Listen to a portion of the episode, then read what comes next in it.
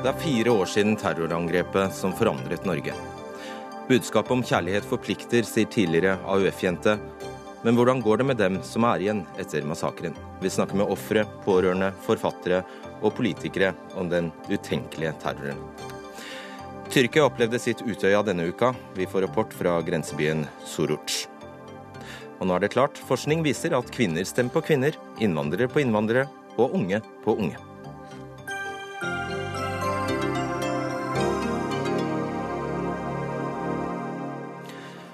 Ja, dette er Dagsnytt 18 den 22. juli 2015. Mitt navn er Fredrik Solvang. I dag er det fire år siden 77 mennesker ble drept i terrorangrepene i regjeringskvartalet og på Utøya den uvirkelige dagen i juli 2011. I dag var Oslo og Utøya igjen fylt av roser og en verdig stillhet, og for mange av oss er jo fire år lang tid. Samtidig viser en ny undersøkelse at pårørende og etterlatte har store problemer med å vende tilbake til en tilnærmet normal hverdag. Erik Sønsteli, du har skrevet boka 'Jeg lever, pappa', sammen med datteren din som var på Utøya. Hvordan har dere det nå, fire år etter? Eh, for oss så har vi det ganske bra i dag. Jeg eh, sier ofte at det første året var røft, ikke minst for, for Siri som var på Utøya, og for eh, kanskje søsteren, Thea, som ville verne om hele familien. Eh, så har det gått eh, bedre år for år, og i dag så mener jeg at vi har det ganske bra, selv om det, jeg snakker usant hvis det ikke er slik at Utøya 22.07. og det som hendte, ikke er samtaletema eh, minst én gang i uka for noen av oss. Så det har nok definert hele vår families liv. Men vi var heldige i forhold til så mange andre. Og dagen i dag, hvordan oppleves det? Dagen i dag har vært eh, Jeg var med på en veldig fin minnemarkering i regjeringskvartalet i dag. Så gikk jeg på jobb, eh, og så har det vært ikke en av årets best effektive dager. Det må jeg innrømme. Jeg har urolig, urolig i magen og, eh, og, mange tanker. Ikke minst på de som mista, og de som er borte. Og alle de som da sliter fire år etter og er et annet sted enn det samfunnet Norge er. Mm.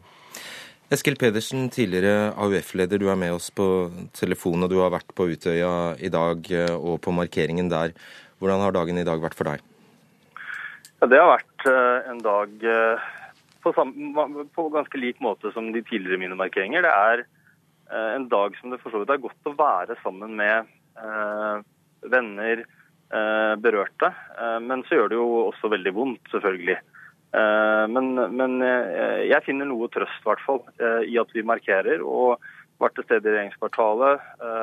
Har sett 22. juli-senteret, som gjør veldig vondt. Og har vært på Utøya, som jeg har vært så mange ganger før. Så det er en, en dobbelthet. Både at det gjør veldig vondt, men også det at det er godt å komme sammen. Mm.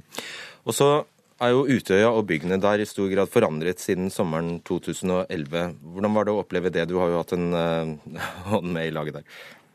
Ja, det har jeg jobbet mye med. Uh, men i, i, dag var det første gang jeg så det. Uh, jeg har ikke vært der siden forrige 22. juli. Og det var ganske mektig å se. At vi er samla på 22. juli en dag for å minnes de vi har mista Eh, tenke på alle som eh, er berørt. Samtidig som du ser at eh, livet går også videre. Det er en framtid der framme. Og de byggene symboliserer jo også på en måte det. Og så var det veldig flott å se dette minnesmerket som er åpnet i dag. Alle blomstene, alle de berørte som var der. Så, så, så det, var, det var vondt Eh, litt annerledes, eh, siden det da også ser litt annerledes ut på Utøya. Men samtidig eh, så kjente jeg på det fellesskapet som jeg jo var der for i utgangspunktet. Lars Weiseth, du er professor ved Nasjonalt kunnskapssenter om vold og traumatisk stress. En fersk undersøkelse viser at de etterlatte har kommet altså, Eller viser ganske oppsiktsvekkende resultater om de etterlattes situasjon. To av tre foreldre har fortsatt betydelige symptomer på posttraumatisk stresslidelse, og halvparten av de etterlatte foreldrene er fremdeles ikke tilbake i jobb fire år etter, på samme nivå som før terrorangrepene. Er du overrasket? Ja, Det bekrefter nok at eh, det i vår tid å miste et barn er en helt annen eh, sorgsituasjon enn andre former for død. Og i vår forskning på andre katastrofer så finner vi jo at eh, forløpet er langstrukket, og det skjer en del ting etter fem år. Men man må huske på at innholdet i sorg er jo savn og lengsel, ikke sant. Og det vil man jo alltid ha. Målet er jo ikke egentlig at man ikke skal sørge lenger, men at man ikke skal bli syk av sorgen. Og du har jo hatt kontakt med de etterlatte. Hva er ditt hovedbilde? Jeg tror at når det gjelder det du nevner med eh, redusert arbeidsevne, at det kommer at i vår tid så har vi konsentrasjonskrevende yrker. Eh, tidligere var det manuelle yrker, og eh, det er mer forenlig med at du både kan ha posttraumatiske reaksjoner og sterke sorgreaksjoner og, og, og være i arbeid. Har, og Det var det spesielle med 22.07. At både de 4000 i regjeringskvartalet, de 400 som var på jobb, og, og de ca. 500 som var på Utøya, ikke sant, hadde jo yrker hvor de skulle bruke hodet. Derfor uh, slår konsentrasjonsvansker og hukommelsesproblemer mer ut enn om man hadde hatt enkle si, manuelle yrker. Så det er noe av forklaringen, tror jeg. Men i, i hovedsak så er det det at uh, sorg tar tid. Mm. Hva vil du si kjennetegner sorgen til de etterlatte? Uh, det spesielle, særlig med Utøya, da, var jo at foreldre, mange foreldre var jo også deltakere. Ehm, de var altså ikke etterlatt i den forstand at de fikk vite etterpå at de hadde mistet noen i en katastrofe. De var til stede, mange helt til barnet ble drept, og de var hjelpeløse, ikke sant. Så der eh, var dette en ekstrem ekstrabelastning for, eh, for mange. Og det fant vi etter tsunamien, at eh, de som hadde opplevd både fare og mistet nærstående, halvparten av de hadde faktisk to år senere fortsatt ganske utydelige psykiske reaksjoner. Så, ja. Sønsteli, hva slags oppfølging har dere fått? Eh, Siri eh, hadde oppfølging av psykologen i vår kommune i ca. et år etterpå. Hun valgte å reise til eh, ja, holde fast ved sine planer om å reise til England for å studere.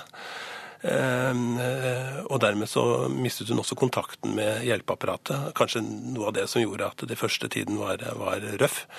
Eh, for vår del så hadde vi kontakt med hjelpeapparatet de første eh, ukene etterpå, noen telefoner gjennom et halvt år. Etter det har ikke vi hatt noen kontakt med, med hjelpeapparatet i vår kommune. Har du savnet det? Eh, jeg har ikke tatt kontakt, men jeg tenker av og til at det er slik at mange av oss ikke ringer fordi vi tror at vi er til belastning, og at de midlene som finnes skal brukes på de som fortjener det mer enn oss. Eh, så eh, jeg tror at kommunene kunne vært flinkere, de jeg kjenner til, til å selv vært aktive og følge opp de signalene som kom fra politikerne om å ta kontakt med de som ble rammet. Eh, for vår del så hadde vi kanskje noen ganger hatt bruk for det, men, men som sagt så har vi klart oss godt. Pedersen, hva er ditt inntrykk av oppfølgingen? Den har jo vært beskrevet som eh, mangelfull, men også veldig varierende fra kommune til kommune. Og Det er jo trist å se at det du skal være avhengig av, et, eh, av, en kommune som har et godt støtteapparat for å få den oppfølgingen som alle ungdommene eh, fortjener, alle etterlatte og pårørende fortjener. Eh, så det er jo, tror jeg, hevder enhver tvil at ikke har vært godt nok. Så har det fungert noen steder, og, og mange har jeg hørt skryte av det. Men etter noe så dramatisk som Utøya og, og 22.07, så, så er det klart at de ungdommene skal få oppfølging. Eh, det går jo bra med veldig mange, det er jo viktig å si det også. Eh, det er jo målet vårt at det skal gå bra med alle de som er berørt av 22. juli, så, så bra som mulig. Eh, men så går vi i litt ulikt tempo, og noen har fortsatt en lang vei å gå, og de må vi se. Og jeg tenker at 22. juli-markeringene bidrar også til at vi minner hverandre på akkurat det. At det fortsatt er mye arbeid igjen. Ja, Det er en annen form for oppfølging som eh, skjer utenom helsevesenet. Eh, og Det er også eh, veldig viktig å huske på at de som ble rammet 22.07, alle de store gruppene da i regjeringskvartalet på Utøya hadde en tilhørighet til et menneskelig fellesskap. Altså De var ansatte i statsapparatet, eller de var medlemmer av AUF. Og det vi tidligere har funnet, er at hvis du greier å bruke fellesskapet der, så er det kanskje bedre enn noen annen form for hjelp, altså også profesjonell hjelp. Og det har jeg inntrykk av har fungert eh, bra både i regjeringskvartalet og i AUF. Men når datteren din dro utenlands, så kanskje hun gikk glipp av noe der? Ja, og det var jo ikke så unaturlig, kanskje på et vis. Og, og, og, jeg tror jeg samtidig skal si det at den hjelpen hun fikk, var veldig bra da. Hun, hennes psykolog hjalp henne videre. Men, men, jeg har også lagt merke til det som Eskil snakker om, at vi vet at, at, hjelpen har vært varierende fra kommune til kommune, og at det er midler som ble bevilget som ikke ble brukt. Ja, vi vet det står penger på bok i flere kommuner. Ja. ja. Helle Gannestad, du er eh, student og skribent, og det var du som sto bak de eh, berømte ordene 'Når en mann kan forårsake så mye ondt, tenk hvor mye kjærlighet vi kan skape sammen'. Dette skrev du også på Twitter 22.07.2011. Husker du hva du tenkte da du skrev det? Det var vel en frykt for at samfunnet eh, som jeg var vokst opp i, som er kjent som trygt og stabilt, kom til å endre seg over natta. Og jeg, jeg søkte jo fellesskapet på internett. Eh, jeg var hjemme hos foreldrene mine hjemme i Sunndal, så jeg, jeg fant veldig mye trøst i de folka som var der ute. Og jeg brukte jo Twitter som en slags logg. Akkurat hva jeg tenkte der og da, det, det, er litt vanskelig å si, fordi hele natta er litt tåkete. Ikke sant.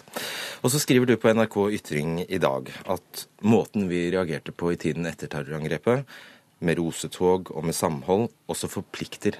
Hvordan da? Nei, altså, jeg, jeg tenker jo Én uh, ting er jo minnene vi sitter uh, tilbake med, og jeg er ikke redd for at de blir videreført. Uh, men det er jo en god del verdier som vi sto opp og viste i tida etter 22. juli. Og det er jo antirasisme, det er jo likeverd, og det er jo demokrati.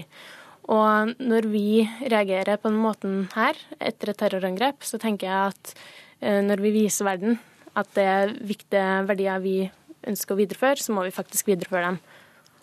Mm. Jeg skal spørre deg, jeg skal la det henge litt i lufta. Jeg skal komme tilbake til, eh, med et spørsmål til deg på slutten her. Men Weiset, når det gjelder disse rosetogene, så var det jo nærmest én sanksjonert reaksjon som hele samfunnet skulle ha. Ja, Hvordan har de etterlatte opplevd det? Hun tror du ble et veldig godt talerør for det, ikke sant? Ja, ja, ja det, er veldig... det, er jo en mm. forbilledlig reaksjon på nasjonalt nivå. Altså at man ikke reagerer slik terroristen vil man skal reagere. ikke sant? Her eh, har vi jo funnet at halve, halvparten av den norske befolkningen gråt faktisk de første dagene. Uh, og, de, mange ble sinte. Det Breivik håpet på at man skulle reagere med frykt, kom jo langt ned på listen av reaksjoner. Og samholdet øket. Det ble ikke konflikter samholdet øket på alle nivåer i samfunnet. Men, eh, og nå kommer jeg til poenget mitt, da. Eh, vi burde nok i vår rådgivning vært mye tydeligere på at dette skal ikke gjelde de som er rammet, de som er lemlestet for livet, de som har mistet sine eller har overlevd med død og neppe. De må få lov til å være rødglødende sinte på Brevik. Og det er også lov å tenke gjengjeldelse og hat, ikke sant. Eh, samtidig som nasjonen som sådan da skal reagere mer på et ideelt plan. Eh, for en del har nok nå strevd med å leve opp til disse ideelle fordringene. Følt at de kanskje har vært litt for primitive. Men dette, det jeg snakker om nå, er jo de mest naturlige reaksjoner, ikke sant. Mm. Pedersen, har det vært vanskelig for deg? Har du vært så rødglødende sinna at du ikke har følt du har eh, hørt hjemme i noe rosetog? Jeg har vært sint, eh, og jeg har jo også uttalt at jeg hater gjerningsmannen. Eh, og det tror jeg det er veldig mange som gjør, ikke minst alle de som mista sine, som er eh, hardt berørt. Um, men jeg fant jo også mye trøst i Norges reaksjon. Uh, og jeg tror for AUF-erne som trodde på noe og opplevde dette, og så ser de at det norske folk står sammen på den måten vi gjorde, det gjorde uh, det var, det var, viktig for dem i en sånn bearbeidelsesfase helt uh, i starten. Uh, hvis, hvis, uh, hvis, folk ikke hadde svart med det, ikke hadde gått i tog, ikke hadde løfta rosa, og, og, og, og, samfunnet endret seg til noe vi ikke skulle ønske at det norske samfunnet skulle være, så tror jeg ikke det hadde vært bra. Jeg tror det hadde vært gjort enda mer vondt. Så jeg jeg er stolt over hvordan Norge håndterte det. Jeg syns reaksjonene var viktige. Eh, men det betyr jo ikke at vi bare skal eh, eh, tro at det i seg selv er nok for mm. at de som bærer på den sorgen, skal komme seg over det. Og så sier du Helle Gannestad at det forplikter. Og da er spørsmålet mitt har vi klart å bevare dette budskapet om kjærlighet, åpenhet og demokrati? Det, det er jo akkurat det jeg tenker på sjøl. Altså, jeg sitter jo ikke inne med noe svar, men jeg sjøl opplever jo at vi ikke gjør det. Jeg skulle gjerne sett at vi, vi tenkte på de verdiene i eh, politiske spørsmål nå i dag òg. Fordi jeg opplever at fellesskapstanken Ja, man kan ikke ha en fellesskapstanke som 22. juli over vedværende tid, men for meg så er det i hvert fall viktig å ta dem inn i dagens politikk òg. Du vil si noe helt på tappen? Ja, det var dette siste vi snakket om. fordi det er en viktig forutsetning som har vært til hjelp for mange. At man forsto at dette var politisk terror. Altså I tillegg til kriminell vold så var dette et angrep på Norge. Det gjorde at de rammede da ikke bare ble uskyldige ofre, men i tillegg så ble de faktisk deltakere. En viktig samfunnskamp, kan man si, om grunnleggende demokratiske verdier. Og da får du en litt sånn flik av mening og hele nasjonen i ryggen. Det har nok vært eh, en viktig grunn til at mange også har greid seg så godt som de har. Takk skal dere ha. Helle Gansa, Eskil Pedersen, Lars Weiseth og Erik Sønsteli. Dagsnytt 18 alle hverdager kl 18.00 på NRK P2 og NRK2.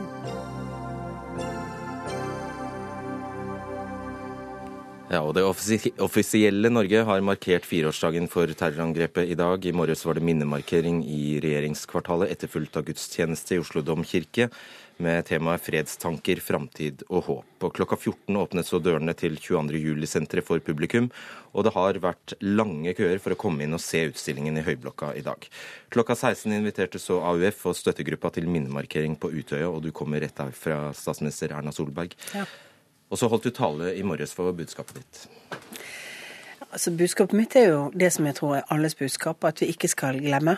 Men vi må også at vi må forstå at uh, sorg tar lang tid. Eh, og at det er noen viktige verdier eh, som vi fortsatt må holde fast på. Eh, og Derfor er det fortsatt viktig å oppfordre folk til å ta til motmæle mot ekstremisme, hatretorikk. Disse ideene som bidrar til ekstremisme, må vi bekjempe hver eneste dag. Så hørte du hun som satt på plassen din før deg, Gannestad, si at hun mener vi har mistet dette. Ja, altså jeg, jeg, er enig i at vi ikke klarer å opprettholde dette godt nok i diskusjonene og, og, debattene. F.eks. ser vi jo at hatretorikken vokser. Eh, jeg, jeg, ser det når jeg åpner sosiale medier og leser på Facebook-sider, jeg leser kommentarer, så ser jeg jo at det er mange som eh, ytrer veldig mye eh, hat mot både innvandring, mot islam, vi vet at det er hatytringer mot kvinner som uh, løfter hodene sine opp. Men det er jo viktig at vi fortsatt forsøker å bekjempe det. Og en av grunnene til at vi har dette, laget dette 22. Eh, julisenteret, det er jo at, at det skal være en del av det som får folk til å huske, og en del av det som får til at engasjementet mot ekstremisme opprettholdes. For dessverre har jo ekstremismen i hele Europa Eh, fått fremgang både politisk og annet, når vi ikke klarer å skape økonomisk utvikling og økonomisk fremgang. Folk kommer gråtende ut av dette senteret. Gjorde du? Eh, ja, jeg har tårer i øynene hele dag. Jeg har eh, fortsatt problemer med å snakke om og minnes 22.07 uten at du blir berørt. Mm. Jonas Gahr Støre, leder for eh, Arbeiderpartiet, du er med oss på telefon. Hva har gjort størst inntrykk på deg i dag? Det har vært en mektig dag. Og 22. juli-senteret så hadde jeg da lest om at vi skulle se restene av bilvraket til gjerningsmannen. Det gjorde ikke inntrykk på meg, men møtet med bildene av de som ble drept da de var i live. Altså unge mennesker, middelaldrende mennesker som hadde framtiden foran seg, som ble brutalt drept. Og så ble jeg også på mange måter stolt av å leve i et land som kan lage et sånt senter. fordi at det var gjort på veldig dyktig vis. Eh, det var en åpen og brutal historie, men det må den være. fordi at dette er en del av alle nordmenns fortelling. Det er en del av vår historie, og da må vi fortelle historien som den er. Og så har det gjort veldig inntrykk å være på Utøya med de eh, katastroferammede menneskene som mistet sine nærmeste, eh, og som forsøker å komme videre. For dem har eh, året 365 vonde dager, mange av dem. Men jeg opplevde samtidig at vi kunne der eh, iallfall by på et fellesskap og et nærvær. Og vi innviet denne lysningen, som det heter, som er eh, minnestedet på Utøya. Et veldig verdig sted. Så det vi har å ty til når det er som verst, det er jo hverandre og et håp om at det er en framtid. Og AUF har igjen vist at eh, det går an å rette blikket framover når vi står i en sånn mørk tid som dette fortsatt er for oss. og det er en dag veldig mettet med inntrykk. Mm. Eh, eh, Solberg, egentlig, bare kort til det. Egentlig var det jo bestemt at dette skulle trappes ned, disse store markeringene. Men så skjedde det noe. Ja, jeg, jeg, tror at vi ikke var moden for å trappe det ned enda. Og så har jo pårørendegruppen og AUF bestemt at etter neste år så skal vi kjøre altså hvert femte år istedenfor, med mindre sånne minnestunder innimellom. Og det er kanskje på vei til å modnes. Men jeg tror det tar litt lengre tid enn at vi tror vi kan ha én gang, og så skal vi vente i flere år.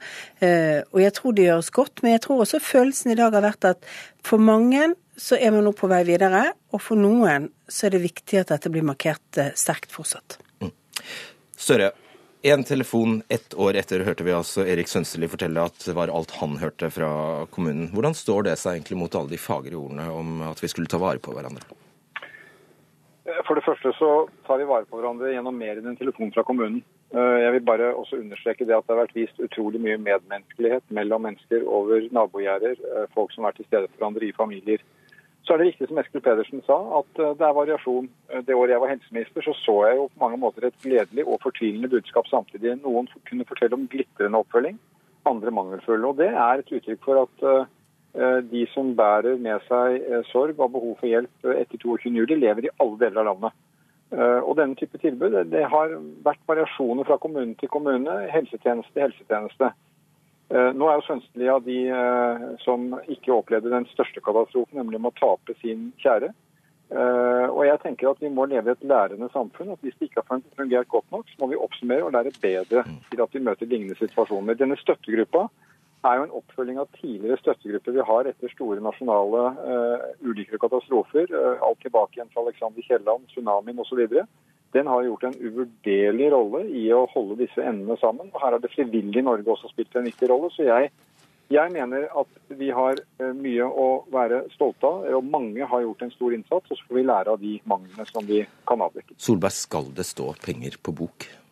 Nei, det skal ikke stå penger på bok. Og det er klart vi skal lære om å, å nå hjelpen. Vi har hatt eh, mange møter med støttegruppen for å høre om hva, hvor, hvor er det problemer, hva er det.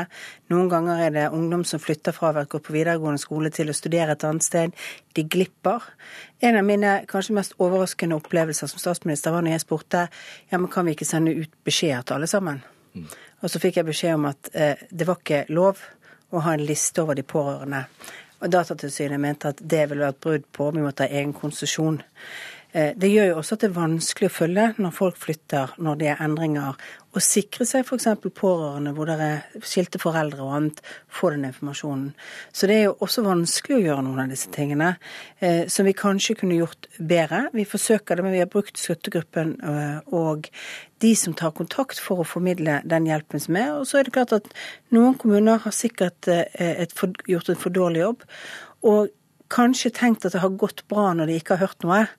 Og vi må kanskje bli flinkere til å gjøre det noen av de beste kommunene gjør, nemlig spørre om det går bra når de ikke har hørt noe. Så til dette med beredskap. I går ble det jo kjent at du oppretter en eh, ny stilling ved statsministerens kontor som sikkerhets- og beredskapsdirektør med et sekretariat på seks under seg. Hvorfor gjør du det? Altså, Vi etablerer et permanent sekretariat for det som er regjeringens sikkerhetsutvalg. Det er mange som snakker om at det er et nasjonalt sikkerhetsråd. I Norge har vi jo faktisk det gjennom eh, den, eh, det regjeringens sikkerhetsutvalg, hvor PST og E-tjenesten og andre møter sammen med de viktigste statsråden i regjeringen når det gjelder beredskap og sikkerhet, eh, som da er kjernen i et sånt sikkerhets, eh, sikkerhetsråd. Men det vi gjør nå, er å lage en permanent stab som skal følge det arbeidet. Eh, det blir først og fremst én en direktør som har ansvar for, for å organisere det. Og så vil det tillegges ressurser.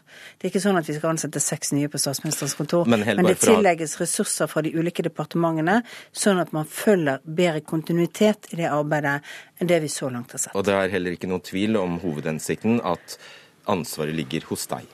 Ansvaret for regjeringens organisering og regjeringens arbeid ligger hos meg, men så er det ansvar på mange nivåer. og det har jeg lyst til å si at eh, Ansvar blir ofte sånn Ansvaret er fra den ytterste etat opp til det, men det er Justisdepartementet som har beredskapsansvaret, regjeringens ansvar for regjeringens organisering og regjeringens helhet. Og i de store nasjonale krisene, det havner på statsministerens kontor. Og det kommer til å bli ledet derfra. Støre betrygget? Uh, programleder, Dette er ikke dagen for å diskutere dette, mener jeg. Uh, jeg merker meg det statsministeren sier. Uh, alt som kan bedre sikkerheten og beredskapen i Norge, det er bra. Dette er noe nytt. Det er uklarheter rundt det. Vi har forsøkt å forstå mer om hva det er. Men jeg opplever ikke at dette er dagen for å diskutere det. Vi får studere når vi ser det mer i detalj. Og så har regjeringen ansvar for å organisere sitt arbeid. Det er ekstremt viktig at ikke det blir et arbeid som blir forvirret med ansvarsuklarhet. Men jeg går ut fra at dette er gjort for å bedre slik det fungerer. Og så får vi se det an når vi kommer sammen i politikken utover høsten. Okay. Takk skal dere ha, Erna Solberg og Jonas Gahr Støre.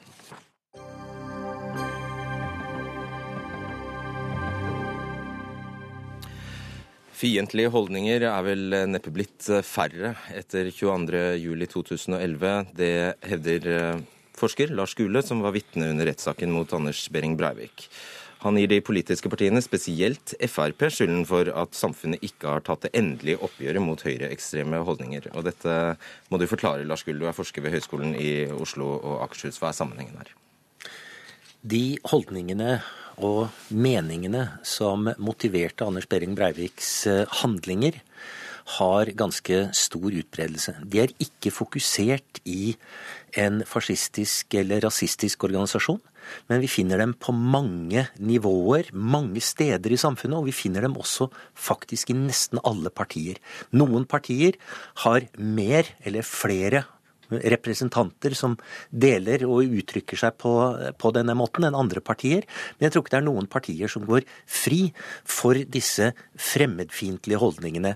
Nå var det ikke bare fremmedfiendtlighet som lå i Anders Behring Breiviks eh, ideologi, men dette har vært et veldig sentralt element. Og fremmedfiendtligheten, innvandrerskepsisen, er veldig utbredt. Og hvis vi ikke kan ta et oppgjør med dette, så klarer vi heller ikke å fjerne det grunnlaget, det jordsmonnet så å si, som de mest ekstreme holdningene vokser ut av. Før jeg stiller deg flere spørsmål, skal jeg bare understreke at vi har invitert Fremskrittspartiet hit, men de ønsket ikke å debattere med deg. Men er det da slik å forstå at du mener har, at det er uakseptabelt i dette samfunnet å mene at man bør ha en restriktiv innvandring, at man frykter en utbredelse av islam, at man mener man står i en kulturkamp? Er det uakseptabelt i dine øyne?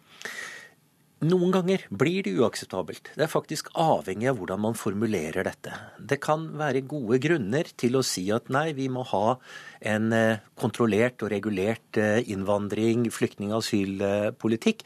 Men hvis man legger til fordi dette er et problem, fordi dette koster oss store eh, penger fordi dette er snyltere. Det er snakk om å importere kriminelle voldtektsmenn, ekstremister.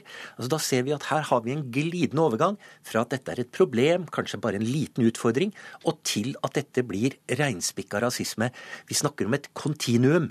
Vi snakker ikke om enten-eller. Men går ikke vannskillet her mellom handling, altså terror, og det å ha politiske meninger, som du gjerne må mislike? Jo, det er ett viktig skille. Men hvis det var så enkelt, så har vi ikke noe problem. For da var det Anders Behring Breivik. Punktum. Da er hele diskusjonen om behov for oppgjør og alt som han vokste fram av, eh, blir helt overflødig. Det er nettopp fordi at dette er et kontinuum. Han befant seg på ytterpunkten av en linje hvor vi finner disse, eh, disse holdningene. Og for han førte det da til handling til slutt. Mm. Og I så henseende så forstår jeg det slik at du mener Arbeiderpartiet, som har stått for en svært restriktiv innvandringspolitisk linje, eh, bør ta et vel så stort oppgjør som Frp? Ja, vel så stort. Dette blir det vanskelig å gradere. Men det handler altså om holdninger som vi finner mange steder i samfunnet. Og derfor så er det også et kollektivt ansvar. Også behov for et, et selvkritisk blikk på Arbeiderpartiets egen politikk, selv om de var offer også for denne terroren. Mm. Mange er uenige med deg nå. Eh, Øyvind Strømmen, du er journalist og forfatter med oss fra studio i, i Bergen. Og du har skrevet mye om ekstreme miljøer i Norge, og spesielt i høyreekstreme. Er du enig i Gulles analyse, for å ta det først? Det er veldig vanskelig å svare på, egentlig. fordi at det er litt uklart for meg eh, hvilket oppgjør det vi skal ta.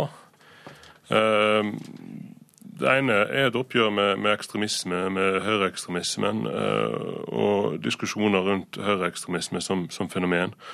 Det føler jeg at har vært satt veldig mye høyere på agendaen etter 22.07. Det er et tema som, som i mye større grad opptar både politikere, media, politi osv. Mange konferanser har vært arrangert osv. Eh, det andre går jo på, på fremmedfiendtlige holdninger, eh, som er vel tolka til at et av de spørsmålene Gule eh, vil fokusere på. Og det er klart Fremmedfrykt uh, og, og, rasisme, disse tingene, er jo noe som vi på sett og vis er nødt til å ta et oppgjør med. Men det er jo ikke bare det. Altså, det er på en måte ikke noe som kommer av 22.07. at vi er nødt til å ta det oppgjøret. Det oppgjøret er vi nødt til å, ta hver eneste dag, og vi er nødt til å fortsette å ta det. Og, det ville vi vært nødt til å gjøre helt, helt uavhengig av, av 22.07. Eh, og jeg er, litt, eh, jeg er litt redd eh, for å blande de to debattene sammen. Hvorfor det? Eh, nei, fordi jeg er redd for at eh, folk skal oppleve det som om at uh, de på en urettferdig måte blir knytta opp til uh, det som faktisk skjedde 22.07.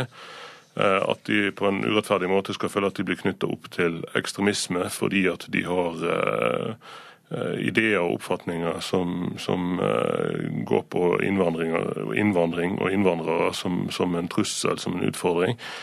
og for at det skal bli på en måte at det skal bli litt sånn uklart hva er det egentlig vi diskuterer. Hva er det egentlig vi vil ta oppgjøret med? Er det, er det høyreradikalismen, er det høyreekstremismen, er det fremmedfrykten som man finner mange forskjellige steder i samfunnet? La, vi kan la Gullet svare på det. Jeg, jeg, tror det er nødvendig å ta eh, oppgjøret langs hele dette kontinuum.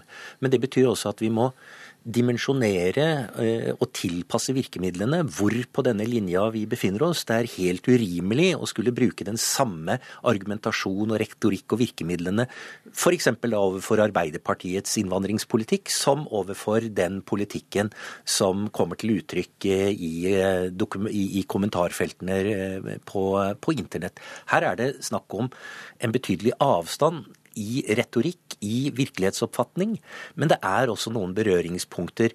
Eh, men jeg ser, eh, og er enig med Strømmen, i at eh, her er det viktig å, å, holde tunga rett i munnen, for dette er vanskelige debatter. Og la meg legge til én ting til.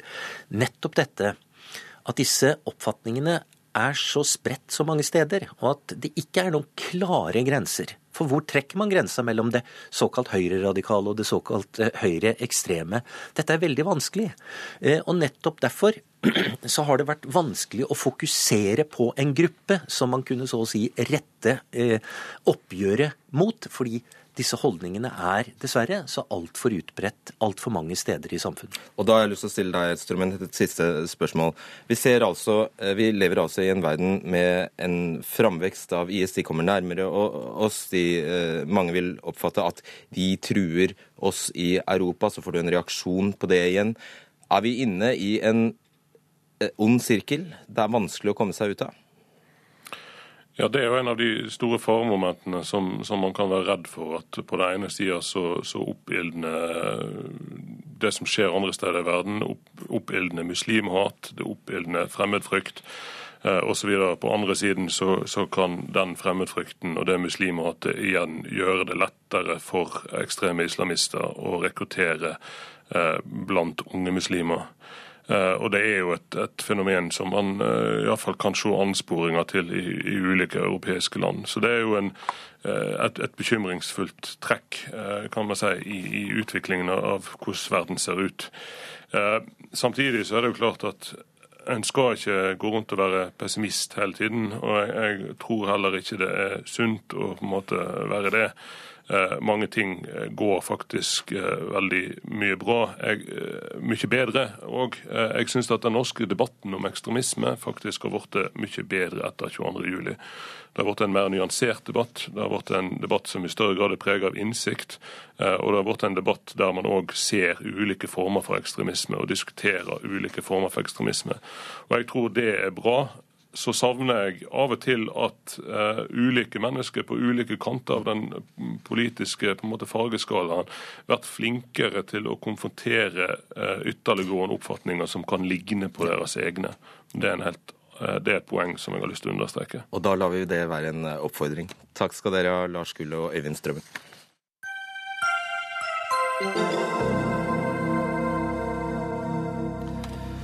Det har kommet ut over 40 bøker om det som skjedde i regjeringskvartalet og på Utøya for fire år siden. Mange historier har blitt fortalt, både historien til eh, dem som ble rammet, og historien til han som rammet dem.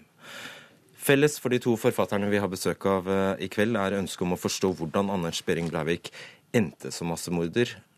Og de har også ønske om å fortelle historien til ofrene og til et Norge eh, som vi alle skal leve i. Åsne Seierstad, du er journalist og forfatter av boka 'En av oss', og tidligere har du skrevet bøker fra andre land, bl.a. Afghanistan og Irak. Hvorfor valgte du å skrive bok om eh, Norge? Det gjorde jeg en god stund etter 22. juli. Eh, jeg, var, eh, jeg hadde aldri skrevet om Norge før. Jeg hadde alltid skrevet om andres katastrofer, andres tragedier og deres sorger. Så da 22. juli kom, så tror jeg jeg ble rammet som sivil, hvis jeg kan si det i motsetning til å være journalist. At jeg ble rammet med sjokk og sorg, som alle andre. Eh, og så ble jeg den Det året, 2011, var jo den arabiske vårens år, så jeg hadde en kontrakt for Newsweek for å dekke den arabiske våren. Så det var helt naturlig for meg å reise til til Libya, til Syria, til uh, Egypt. Uh, de landene. Det gjorde jeg også den høsten. Uh, og så ble jeg spurt av Newsweek om å dekke rettssaken ni måneder senere som jeg gjorde, eh, og ble slått i bakken av Breivik, av ofrene, av den historien, og skjønte at det, her må jeg, dette må jeg gå inn i. Og du skjønte også at ettertiden, i ettertiden ville altfor få eh, gå inn i eh, referatene fra, fra rettssaken, og dette måtte inn mellom to permer? Ja, altså når jeg først er i gang, så kommer du inn i et sånt research-modus og må bare samle inn informasjon. Og da var det viktig å få tilgang til politiavhørene. Det var viktig å få tilgang til psykiatrirapportene fra hans barndom. Eh, det var viktig selvfølgelig å snakke med ungdommen som har vært på Utøya, men ikke minst å finne historien til alle. For det som jeg spurte meg, var ikke bare hvorfor endte Breivik opp som terrorist, hvorfor endte han opp på Utøya, men også, også hvorfor endte alle disse ungdommene opp på Utøya? Hvem var de, hva var deres politiske oppvåkning? Eh, for å understreke at uh, dette, er en, dette, er politisk eh, terror, uh, og de er ofre for det de trodde på. Mm. Åge Borchgrevink, du er forfatter og har skrevet boka 'En norsk tragedie'. Anders Behring Breivik og 'Veiene til Utøya'. Hva var din motivasjon? Nei, Det hørtes jo kjent ut, det der. Jeg begynte jo egentlig ganske med en gang, rett etter at det smalt. Og det var jo et sånn veldig sjokk og rystelse. Og jeg har også jobbet mye i utlandet og vant til å dokumentere eh, menneskerettighetsovergrep og krigsforbrytelser andre steder. Eh, men det som skjedde, var et sånt omfang at eh, det var nesten som det var virket som det var en, en slags krig. Så eh, jeg gikk i gang med å prøve å, å, eh, å forstå mer. Og prøve å, å, finne ut hvor dette hatet kom fra. og eh, ja, og I utgangspunktet så hadde jeg tenkt å skrive om, om høyreekstremisme i Europa og radikalisering. Mm. Um, det var på en måte ting jeg var mer vant til å skrive med. Men etter hvert som jeg jobbet meg nedover, snakket med flere og flere vitner, både overlevende fra Utøya og, og, og redningsmenn i Tyrifjorden, og, men også folk som hadde vært nær på Breivik eh, bakover i tiden, så, så, ble det mer og mer eh, slags eh, historie om dannelsen av hat, da, og spesifikt Breiviks hat. Og da er jo oppveksten hans helt uh, sentral, og du gravde det også ned i barnevernsrapportene. Hvor mye har, uh, mener du, hans oppvekst hadde å si for uh, dette skjebnesvangre utfallet? Ja, For meg i den jobben der, så, så var jo hans egne ord, da, manifestet hans, de 1500 sidene han skrev, veldig vesentlige. Og etter hvert som jeg leste det flere ganger, så så, så jeg mer av den politiske ideologiske siden som en sånt uh, litt uh, klipp og lim-fasade over noe som var veldig på mange måter selvbiografisk. Um, så i og med at jeg fant såpass mange spor av hans uh, oppvekst, da, både ungdomstid og, og, og, kanskje særlig barndom, i, i, i det manifestet hans, så, så, begynte jeg å se på nettopp barndommen som, ja, som svært sentral. Altså Ikke det at det er noe sånn enkel vei fra barndoms og barnemishandling og, og omsorgssvikt til å bli massemorder, men uh, som nøkkel, eller altså årsak til hans hat, uh, tror jeg lå veldig mye der. Og det er jo også et annet poeng med den historien der, er at kunne, kunne han vært stoppet tidligere? Um, han var flink til å skjule seg for politiet, men akkurat da han var veldig liten, så ba moren hans om hjelp, egentlig. Hun maktet ikke helt å ta vare på seg selv og på familien sin. og eh, systemet hadde liksom en sjanse da til å gripe inn, men de valgte å, å ikke gjøre noe, både barnevern og domstol. Og akkurat dette med Breiviks oppvekst er du også veldig opptatt av. Er det noen spørsmål du ikke har fått svar på? Og det er mange spørsmål jeg ikke har fått svar på. Det er jo Vi har jo med å gjøre en person som, eh, som eh, ikke snakker sant, eh, som manipulerer, og som ønsker å også manipulere sin egen fortid. Så det som han forteller om barndommen, er vel kanskje der hvor han lyver aller mest. Når det gjelder det han forteller fra liksom, terroraksjonen, planleggingen og slikt, så har jo ikke politiet tatt han i noe løgner. Men når det gjelder barndom, foreldre kjærlighet, altså viktige ting i et menneskes liv, så uh, bare tilslører han. Så uh, det var viktig å gjøre egne undersøkelser, og jeg er enig med Åge Borchgrevink at barndommen nok var en forutsetning, ikke den eneste forutsetningen. Men, eh, og dette er helt i tråd med hvis du ser på forskning rundt voldskriminelle, alvorlige voldskriminelle, så har de så å si alle en vond barndom. Og selvfølgelig betyr ikke at en vond barndom fører til verken eh, at du blir terrorist eller voldskriminell, men det er gjerne eh, de som ender opp som det, har gjerne hatt det. Og hvis du ser på også de franske jihadistene, Kouachi-brødrene så hvis du, altså, Interessant å gå inn i deres barndom. Det er et speilbilde av Breivik sin sin barndom. Når det gjelder omsorgssvikt, når det gjelder en mor som er eh, rundt omkring og ute, som også der ender opp med selvbord. Og så spør vi oss hvorfor ender de opp som jihadister? Baserer det i politikk, men eh, ofte har det mye dypere årsaker tidlig inngripen? Ja, altså, altså Det er vanskelig å, å, å, gripe inn. altså Barndom har en verdi i seg selv uansett. Men det er klart at det, hadde det vært én en enkel forklaring på hvorfor noen ender opp som terrorister, så hadde det vært lett å, å avverge det også. Men eh, det er noen er kanskje disponert for dette. Eh, manglende empati. Eh, og så er det senere utvikling. Også noen har sagt er det videospillingen som gjorde Breivik til terrorist. ikke sant? Det er ti millioner brukere på World of Warcraft. Men altså, det er også kanskje et forutsetning for hvordan han kunne operere såkalt blodet på Utøya. Altså, det er veldig mange faktorer som mm. spiller frem til 22. juli. Eh, Borchgrevink, som, som, eh, som eh, påpeker, så, så, kan, så, er det jo mange voldsforbrytere som har, hatt, som har hatt problemer i oppveksten. Men du mener det var noe som var spesielt i Anders Behring Breiviks tilfelle? Ja, Hvis du ser på hvor bekymret Statens senter for barne- og ungdomspsykiatri var, så var det tydelig at de så på dette her som en svært alvorlig saker, i hvert fall. Og igjen så, eh, så går det an å og det er jo det på en måte argumenterer litt for i boka mi, da, å finne spor av, av, eh, av den historien på forskjellig vis i, i manifestet mm. Og Noe av grunnen til at jeg ønsket å fortelle det, var at uh, på tross av dommen og, og også den uh, diagnosen som ble fastholdt ved den, og 22. juli-kommisjonen, så var det egentlig, uh, da min bok kom ut, ikke noen klar beskrivelse eller biografisk forklaring på hvorfor han ble så uh, særegent uh, sprø, da, for å si det sånn. Um, så, uh, det følte jeg var en viktig historie å komme med, og, og, og derfor fortalte jeg også mye om um, familieforhold som redaksjoner, f.eks. NRKs redaksjon, hadde unnlatt å fortelle. For det var jo flere enn en, en meg. Og og Åsne som hadde tilgang til disse forskningsdokumentene, bl.a. psykiatrirapporten og politiavhør. Helt til slutt, Åsne Seierstad, hadde jeg nær sagt som vanlig slår bøkene dine an internasjonalt. Hvordan har denne boka blitt mottatt eh, internasjonalt? Jeg har fått uh, veldig gode kritikker, uh, så det er jeg veldig glad for. Det virket som om kritikerne var litt sånn uforberedt egentlig på dimensjonen av det som hendte.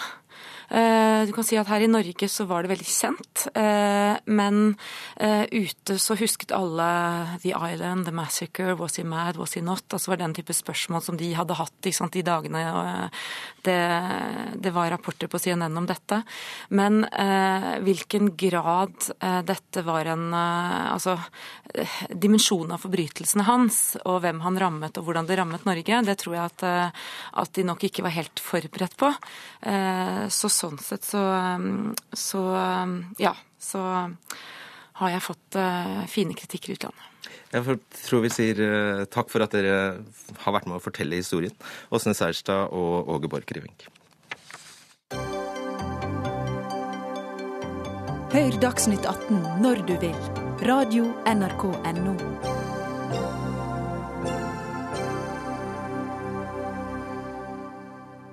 32 ungdommer på vei til en solidaritetsreise, blåst i filler av en bombe. Ja, Det lyder så altfor likt, og det skjedde i Tyrkia for to dager siden, i grensebyen Suruc. De planla en tur til Syria, hvor de skulle hjelpe til med gjenoppbyggingen av Kobani like ved. Og Kristin Solberg, NRKs korrespondent i Tyrkia, du er der nå, faktisk?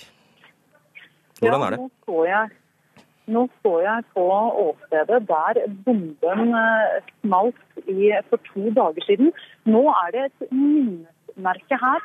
Folk har lagt fram leker som eh, disse unge aktivistene skulle ta med til barn i Kobani over grensen. De ligger nå, de kom aldri dit, de ligger nå på et minnesmerke her. Folk har også lagt fram eh, eh, for, for, å vise sin sorg og, og sin respekt for ofrene av, av dette angrepet. Eh, så eh, har du vært på dette sykehuset i provinsen San Liurfa, hvis jeg uttaler det rett. Eh, hvordan, hvordan var du der? Ja, Der var noen av de skadede fraktet. Det er jo slik at Mange av, mange av de som ble skadet etter angrepet, kom, de kom fra hele landet. for De hadde reist hit til Suruc for å reise videre inn i Syria. De kom fra mange forskjellige byer. Så Noen av de skadede ligger på sykehus i Istanbul og andre byer, men noen ligger også her i Shamli Urfa. Jeg snakket med en 26-årig mann som hadde overlevd. Han var svært glad for at han hadde overlevd, og takknemlig for det, selvfølgelig, men følte en enorm sorg over å ha mistet så mange av sine venner og kjente. Eh, så var det også en del familier der som lette etter svar, altså svar som egentlig ikke finnes. Eh, det større spørsmålet hvorfor noe slikt kunne skje, selvfølgelig. Men, eh, men også eh, et spørsmål som kanskje kan besvares. Det er hvem som har gjort det, og, og, og hvordan det kunne skje. Ja, og Hva er de siste rapportene der? Ja, Fra myndighetenes side. Myndighetene sier jo nå at det er en 20-årig eh, kurdisk tyrker som sto bak dette. Det er det siste de sier. Um, og De sier også at etterforskningen jo ikke er, er, eh, ferdig. Eh, den vil fortsette i en tid til, og det er for tidlig å konkludere. Men, men de mener at dette peker da mot eh, IS. Og at, og at de gransker nå også koblinger til da hovedmistenkte innad i landet og også i utlandet. Mm. Og de sier at denne mannen som de, Den 20-årige mannen som de mener står bak det, at han var en relativt ny IS-rekrutt. At han at han eh, ble med i IS for, for et par måneder siden. Men, men det er foreløpig ikke lagt fram noen bevis eh, på, på verken det ene eller andre, og, og etterforskningen pågår ennå. Camilla Trud Nera, du er dekan ved, ved Høgskolen i Sør-Trøndelag med doktorgrad i moderne tyrkisk historie. Ja, dette blir jo bare mer og mer komplisert hvis dette er en 20-årig kurdisk tyrker som altså har meldt seg for IS. Hvordan skal vi forklare dette? Jeg vet ikke om det er eh, nødvendig å legge så mye vekt på det med hva slags etnisk tilhørighet denne personen har. For eh, tyrkiske ungdommer har jo i likhet med mange andre vestlige ungdommer latt seg mobilisere av IS sitt budskap, har dratt til Syria, verva seg og fått eh, opplæring. I Tyrkia finnes det også en gruppering som kaller seg for kurdisk Hizbollah, som har erklært seg som støttespillere av IS. Men det er jo litt kjennetegnet på IS. De har en internasjonal profil både på medlemsmassen sin og på sine aksjoner, hvilket også er med på å forklare hvorfor det er IS som fullstendig dominerer bildet av borgerkrigen i Syria nå, selv om både Assad og al-Nusra-fronten fortsetter sine massedrap på sivile. Hvilke konsekvenser vil dette få for Tyrkia? Dessverre så ser vi nå at, eh, at, eh, det tyrkiske folket og de tyrkiske politiske partiene ikke står samlet i sorgen over det som har skjedd. Reaksjonen på angrepet viser at det er en reell fare for at Tyrkia brutalt kan splittes langs eh, etniske, religiøse og politiske skillelinjer, med økt voldsbruk, flere terroraksjoner, større militær tilstedeværelse og mer overvåkning, ikke bare i grenseområdene, men i hele Tyrkia. Og det vil jo være et alvorlig tilbakeslag for alle som ønsker å se Tyrkia som et velfungerende demokrati og som et eh, stabiliserende Nato-land i regionen. Og er det så hadde jeg sagt, enkelt som at konfliktene i Syria nå speiles i Tyrkia?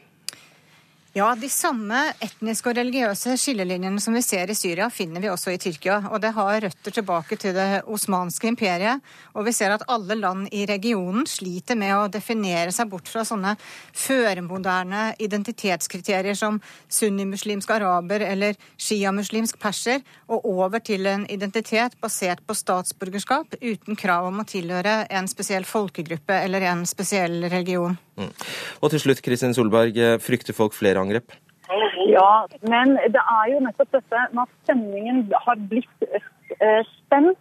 Og det vil nok komme et press eh, innenfra i Tyrkia fra visse, visse deler om å, om å slå hardere ned på IS enn det myndighetene har gjort til nå. De har jo da de siste par ukene gjort mer, eh, eller lagt til at de har gjort mer enn det de tidligere har gjort med flere raid mot IS og IS-sympatisører. Nå kan det bli et press om å gjøre mer, og det kan igjen da føre til flere angrep fra nettopp IS. Vi sier takk til dere der, Kristin Solberg og Camilla Trud Nereid.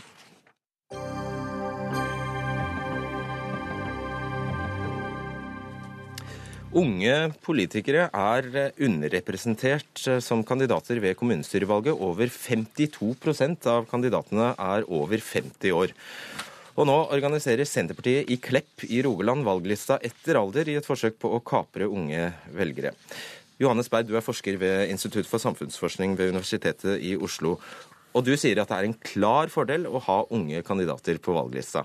Ja, Det er i hvert fall en fordel hvis man vil appellere til unge velgere. Eh, for jeg tror det er sånn at Unge velgere de stemmer på unge kandidater, på samme måte som kvinner gjerne stemmer på kvinner, eller personer med innvandrerbakgrunn stemmer på kandidater med innvandrerbakgrunn. Så enkelt.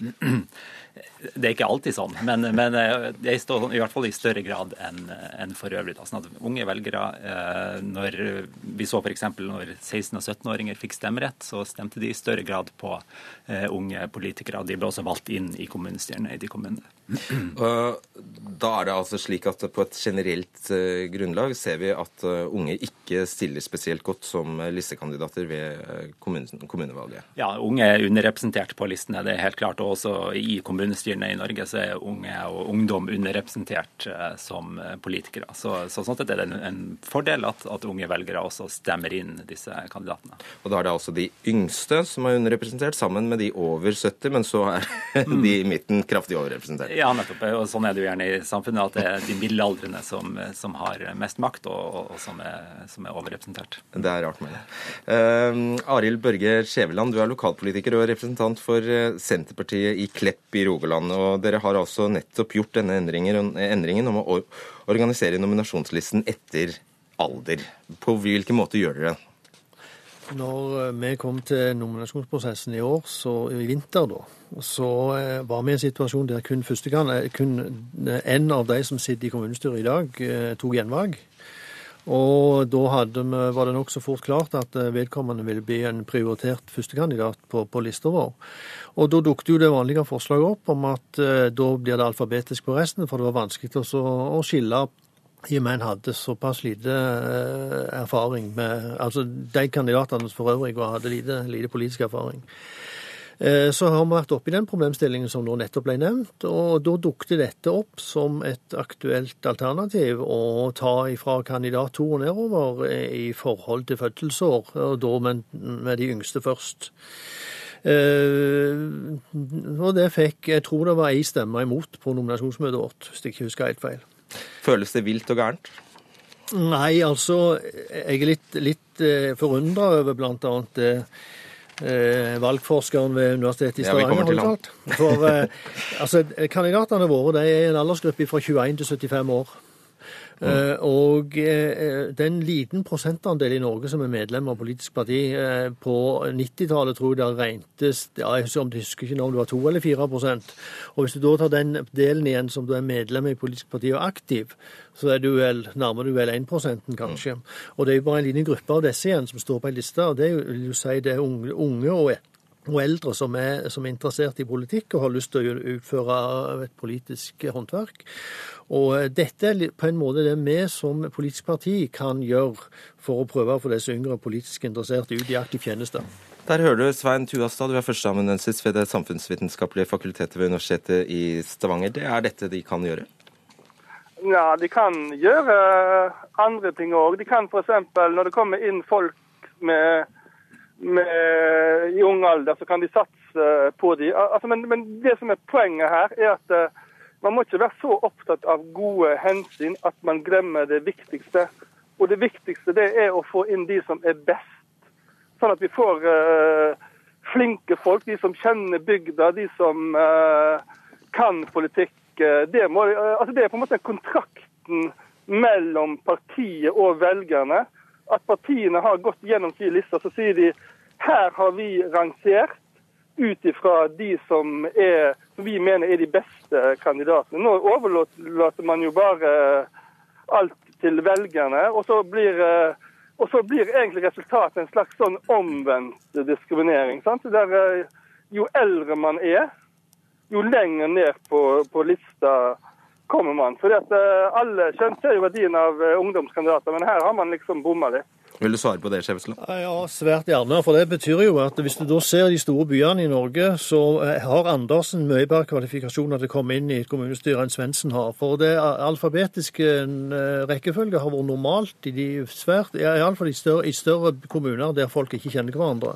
Ja, ja men, men, poenget er jo at vanligvis så vil jo partiene Altså, det er jo de, de, de såkalte listefyllkandidatene. Men uh, vanligvis vil jo partiene ha en viss sånn rift om de plassene der man, som man regner med kommer inn. Og da er, vil det jo være sånn at uh, ja, Selvfølgelig må man prøve å ha en viss sånn representativitet når det gjelder kjønn og yrkesbakgrunn og alder, men den må jo balanseres mot kvalitet. Mm. Eh, ja. Berg, det er jo ikke helsvart her, for flere under 25 eh, år stemmer, og det blir flere og flere unge, f.eks. ordførerkandidater. Det har vi jo sett eksempler på i det siste. Hva er grunnen til det? Ja, det er jo riktig. Det, deltakelsen blant de unge har gått opp de siste valgene, og særlig ved det siste lokalvalget og ved stortingsvalget for to år siden.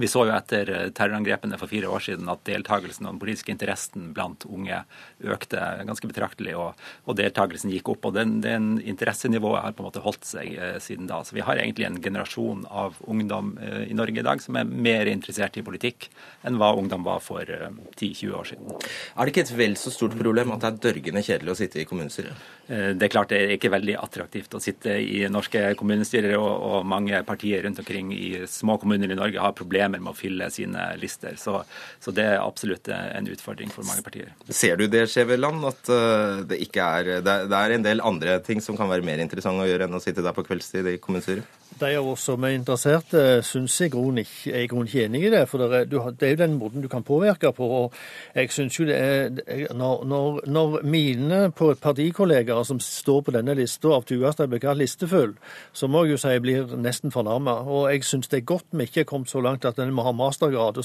for å kunne bli politiker, for det skal være folkestyre vi har.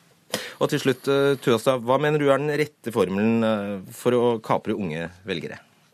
Rette formen for å kapre unge velgere Altså, hvis det er mer, flere ting som står på spill i politikken, at, at uh, organene får uh, mer å si, da blir det en generelt større interesse for det. Og da vil det òg være mer interessant for ungdom. Er du enig i det, Berg? Jeg er enig i at hvis valget er viktig for de unge, hvis det er viktige saker, viktige spørsmål som blir diskutert, så går også deltakelsen opp. Det, det har vi sett eh, tidligere. Da tror jeg vi sier eh, takk til dere der.